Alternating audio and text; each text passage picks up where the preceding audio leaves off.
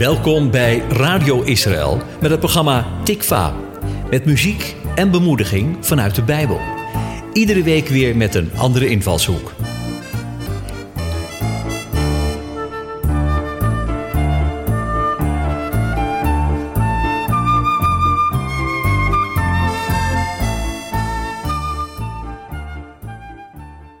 In het leven maken wij het allemaal mee. Uitdagingen en tegenslag omdat het leven anders gaat dan we hadden voorzien. We ervaren dit allemaal en ieder gaat er op zijn eigen manier mee om. In het boek Esther worden een aantal sleutelprincipes gegeven die ook voor ons helpend zijn om met moeite in het leven om te gaan. De situatie waar Esther zich in bevindt is ernstig. Haar leven en het leven van het Joodse volk worden bedreigd. De hooggeplaatste functionaris Haman heeft een wet uitgevaardigd die het toestaat dat alle Joden gedood mogen worden.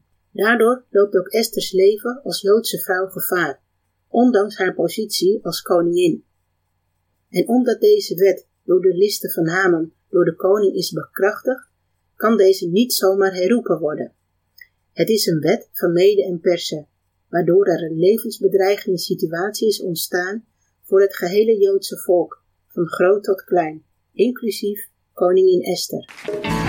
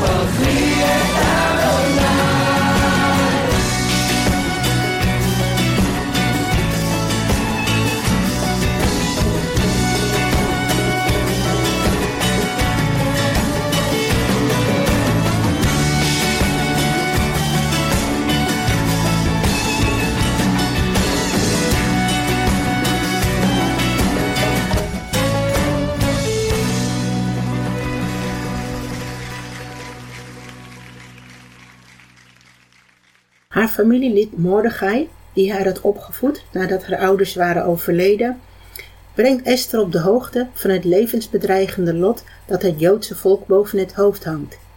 Haar eerste reactie is dan: Ik ben niet de persoon die hier iets aan kan veranderen. Want ik mag als koningin niet zomaar ongevraagd naar de koning toe gaan. Maar Mordechai dringt er bij Esther op aan om juist haar positie als koningin in te nemen ten behoeve van het Joodse volk en om niet te zwijgen. Met de woorden dat ze misschien juist met het oog op deze tijd haar positie in het paleis heeft ingenomen, laat hij Esther op een andere manier naar haar rol kijken. Wat Esther zag als belemmering om iets te kunnen doen, grijpt Mordechai aan als manier om juist wel te handelen.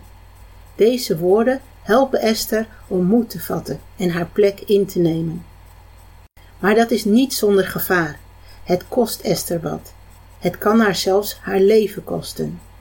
Maar ze is bereid haar plek in te nemen en desnoods de prijs hiervoor te betalen. Want ze beseft dat ze niet alleen veel te verliezen, maar ook veel te winnen heeft. Als ze haar plek inneemt, kan het Joodse volk van de ondergang worden gered. Met de beroemde woorden: Kom ik om, dan kom ik om, bekrachtigt ze haar besluit